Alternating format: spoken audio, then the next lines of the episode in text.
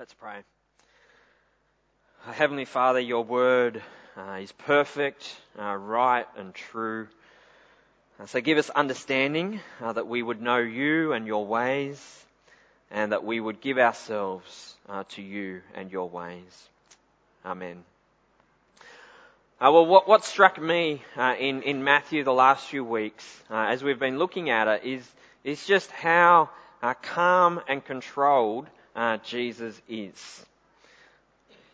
He knows what's about to happen, but he just seems so calm and in control. How are you going to be feeling if you know someone is about to betray you? Uh, someone that is close to you. How are you going to feel if you know that you're about to go through some extreme suffering. Uh, not good, right? If we know that something really, really bad, really hard, probably going to be losing sleep, we're going to be anxious. it's not, not a good thing. Jesus knows he's about to be betrayed, handed over, and crucified. And he hasn't seemed fazed. Until now until this next bit that we're going to look at. Because it, it all changes here. It all changes in Gethsemane, where we see that the raw emotion of it all. Jesus is on the way to the cross. He's held it all together. But here we see just, just how, how agonizing it is for him. He prays to the Father three times um, for, for maybe, maybe an hour. And it's been recorded for us. Uh, we're, we're, privileged because we, we get a, glimpse, we get an insight into this, this most profound moment between the Son and the Father. The Son of God, face to the ground, praying in desperation to God the Father, His Father. So I don't have three points for you this morning. Uh, we're going to go to Gethsemane. We're just going to walk uh, through this scene uh, as an onlooker, uh, all these years later, to see what took place then and to think about uh, what it means uh, for us today. Um, so it would help if you've got your Bibles open. Matthew 26, verse 36. Then Jesus went with his disciples to a place called Gethsemane and he said to them, sit here while I go over there and pray. Now Gethsemane, uh, just means oil press. So it's a garden area uh, among the oil, oil groves uh, where, where oil was prepared. So you, you can see you can see the map here. Um, so we've got, got Jerusalem, we've got the uh, the walls uh, of the city, we've got we've got the Mount of Olives over here in this region, and Gethsemane is there.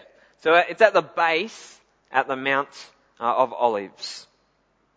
And this might have been where the disciples and Jesus stayed while they were visiting uh, Jerusalem, just just outside uh, the the city. There was no no Novotel for them, so they're just camping really in the garden. And Jesus says, "Sit here while I go over there and pray." verse 37. He took Peter and the two sons of Zebedee. So in other places they're also the, the sons of thunder, uh, John and James. He took them along with him and he began to be sorrowful and troubled.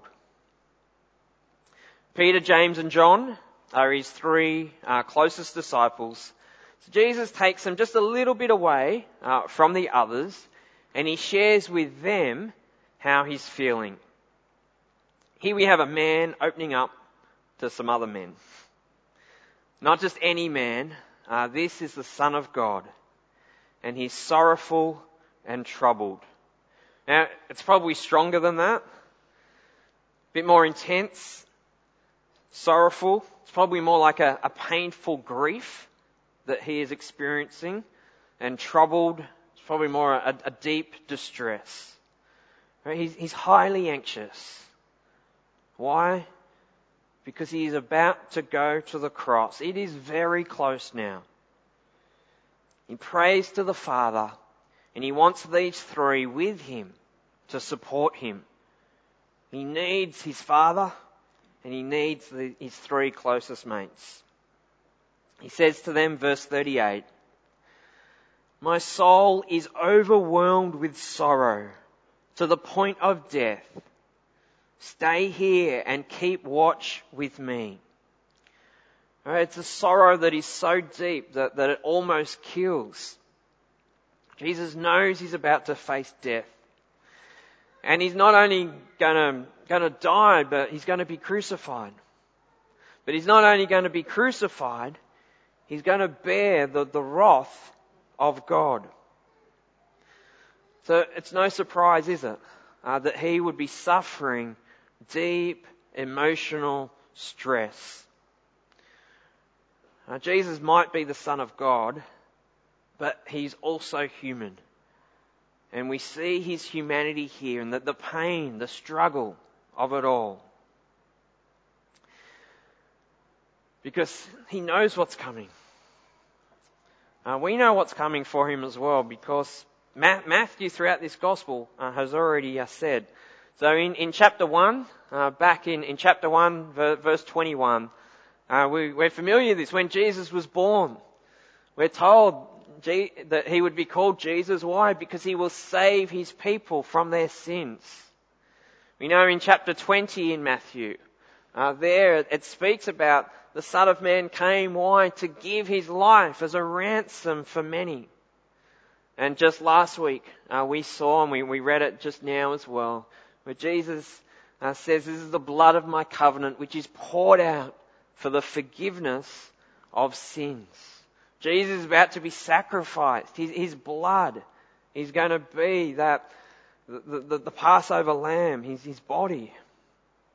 The three disciples, they got every reason, don't they, to do what Jesus asks of them here, to be with him in his time of need to be the friend that he needs, to keep awake, to keep watch, and to pray. Surely they can see his agony in what he's going through. Well, verse 39. Going a little further, he fell with his face to the ground and prayed, My Father, if it is possible, May this cup be taken from me, yet not as I will, but as you will. This is prayer number one. Jesus, he falls to his feet in desperation, in, in frailty. He cries out to God, his Father. On the ground, he opens up his, his deep emotion uh, in complete uh, honesty and, and surrender.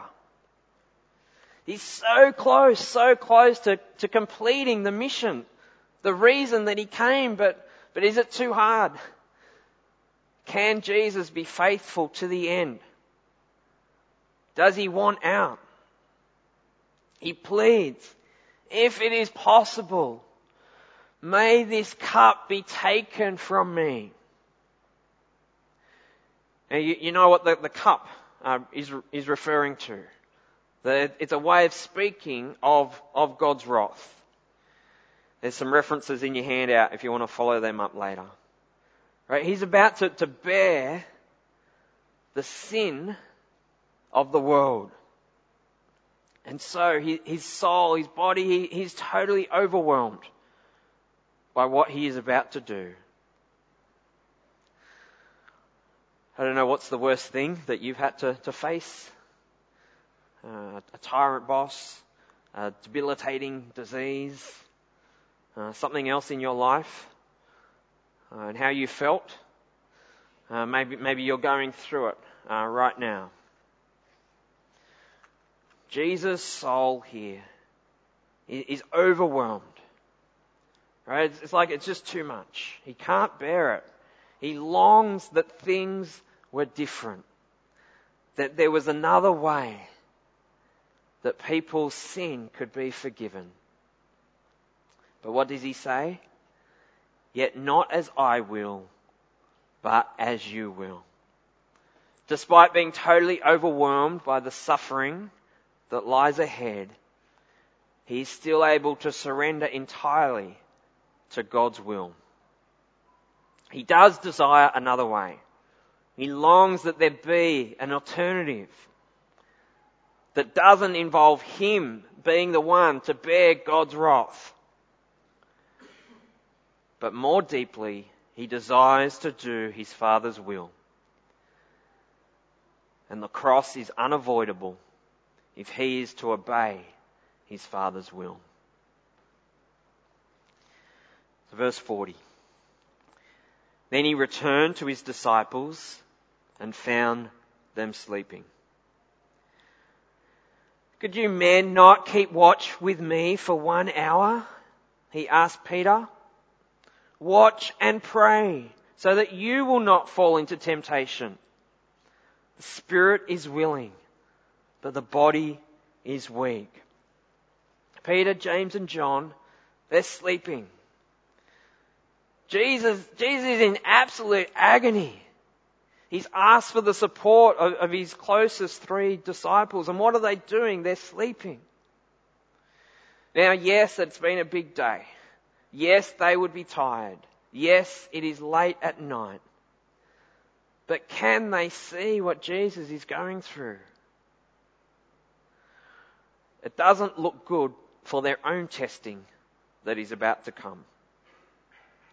And here they, they had good reason not only to be praying with Jesus and for Jesus, but for themselves.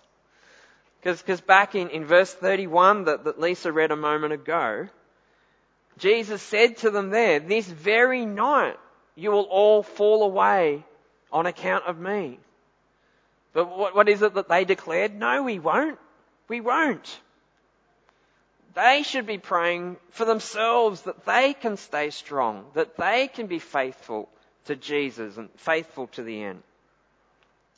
So Jesus puts it on them again. Watch and pray so that you will not fall into temptation. They need to be praying as much as Jesus that they don't deny him and disown him. The spirit is willing, but the body is weak. The disciples, they say they're with Jesus. Even if I have to die with you, I will never disown you. That's what Peter said. But now they can't even stay awake when Jesus needs them. They might want to obey him, but they find their body or their sinful nature can't do it. It's not an excuse. Well, it's a poor excuse. Uh, it shows our weakness, but it doesn't make it right. Verse 42. He went away a second time and prayed, My Father, if it is not possible for this cup to be taken away unless I drink it, may your will be done. Prayer two, uh, similar to the first, but maybe now he's resigned to, to the reality that he must do this. This is God's will, and there is no other way. So Jesus doesn't get his prayer answered that there be another way. Because there is no other way. This is it.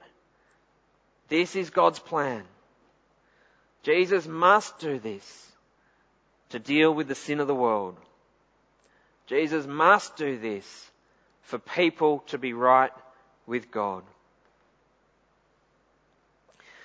And we, we can sense here, can't we, just how hard this is for Jesus.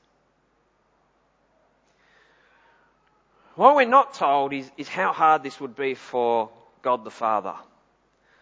But we can imagine how hard it would be for Him. No parent wants their child to suffer.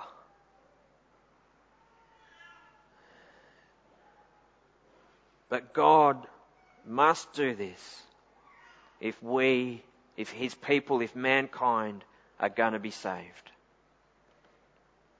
Verse 43.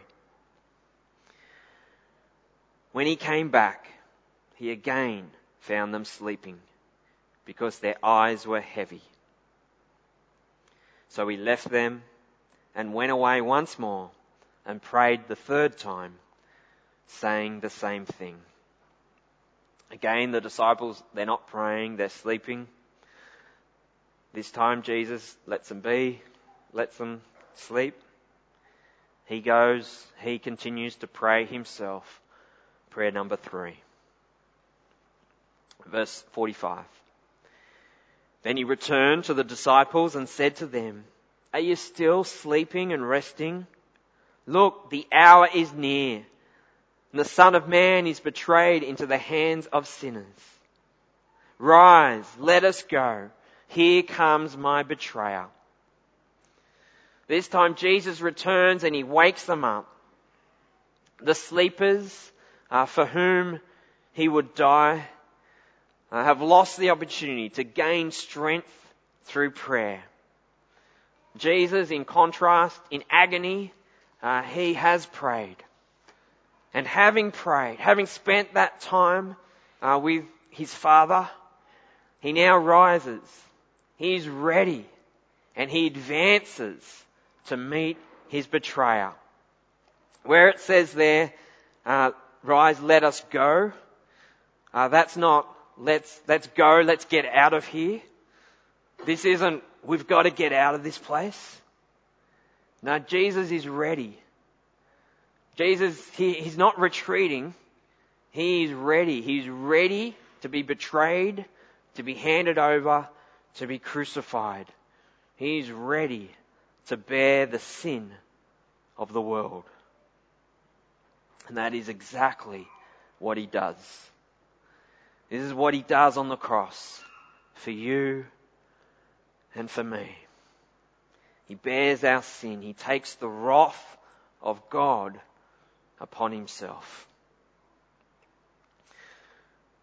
It's amazing, isn't it? Just, just take a moment to dwell on what Jesus does in drinking from that cup and taking that, that anger, the punishment, the wrath of God on himself. He does it so you don't have to so I don't have to.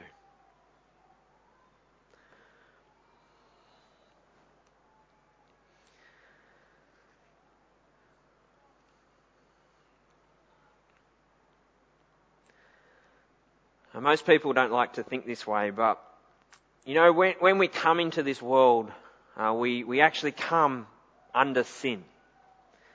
Uh, we, are, we are born into sin, and we need to, to be saved uh, from that. Uh, in, in, Ephesians 2, uh, Paul, Paul speaks about it this way. Speaks about it, about that, that by nature, that we are children of wrath, of God's wrath. But it's not what God created us for. God created us to, to know Him. God created us to, to worship Him, to have life with Him. And God loves us. He loves the world. So what does he do? He sends his one and only son into the world that whoever believes in him shall not face God's wrath, but receive eternal life. Jesus has gone to the cross so that we don't have to. And then we see in this verse how John puts it. John says, whoever believes in the son has eternal life. But whoever rejects the Son, whoever rejects Jesus, will not see life, for God's wrath remains on him. Now this week, we've, we've seen, haven't we? We've seen the, the fury of, of Cyclone Debbie, uh, the wrath of that storm. But, but we've seen it from a distance. We've seen it on TV. Uh, we, we've been safe. Many people, they, they were called to, to leave, to evacuate. Whether that was to do with the, the cyclone or then the, the, floods that have been taking place. And the, the warning, that, that message to, to, to, leave, if they believe that message, uh, they would be safe. But if not, then they would have to, to take on the, the wrath uh, of that cyclone. Uh, I've uh, got some friends. They've been trapped uh, all week uh, on on Daydream Island, and for them there was no way out. They had to stay. Now, at first, I think it was last Sunday when I first um, saw their message that they were stuck and they had to stay on Daydream Island for a few days. It, it was a little hard to, to show sympathy for them right at the start. Got to stay on this, this dream island for a few days. But then the, the eye of the storm hit that island. They desperately wanted to get out of there. But there was no way out. You don't want to face the wrath of God. We live in a world uh, that is under judgment.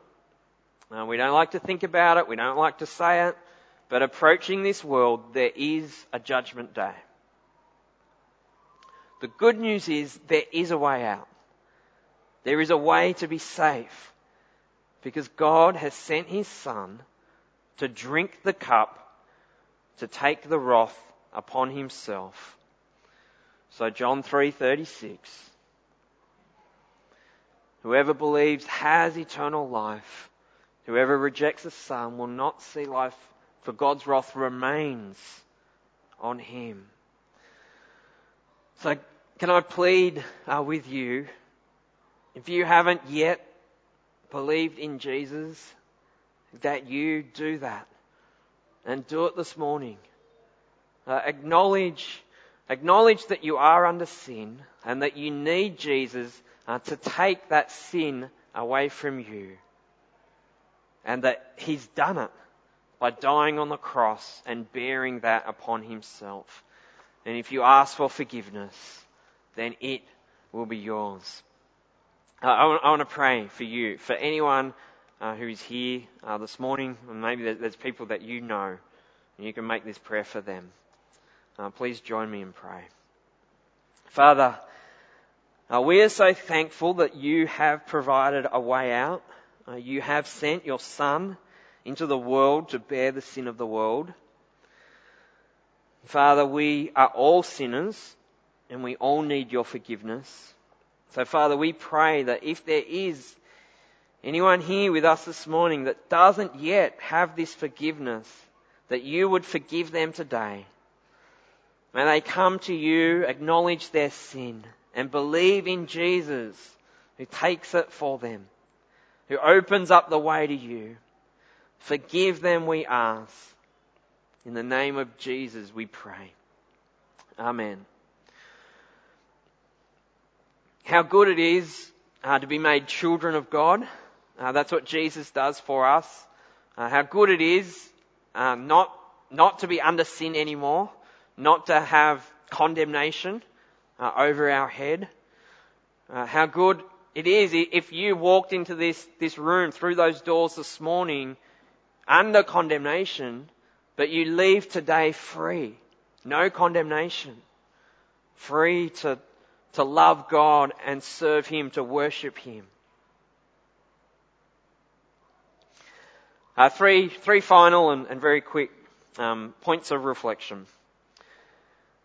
May we all be forever thankful uh, for Jesus for what He has done for us. He drinks the cup so you don't have to. May you be thankful for that. Secondly, may we pray May we pray desperately to God our Father that He would have mercy on our family and friends and neighbours who don't yet know God, don't know Jesus. And thirdly,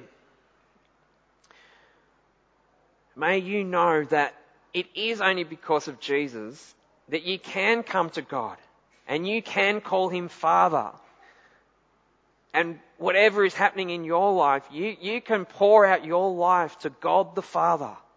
And you can now do that because of what Jesus has done for you.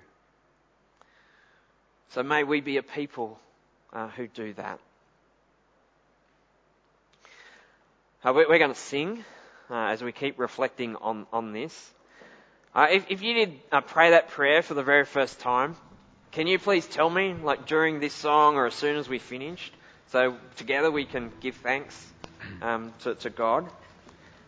And uh, I highly re- recommend the Christianity Explored course after Easter um, that, that you or, or, others you know can keep exploring uh, the significance of this.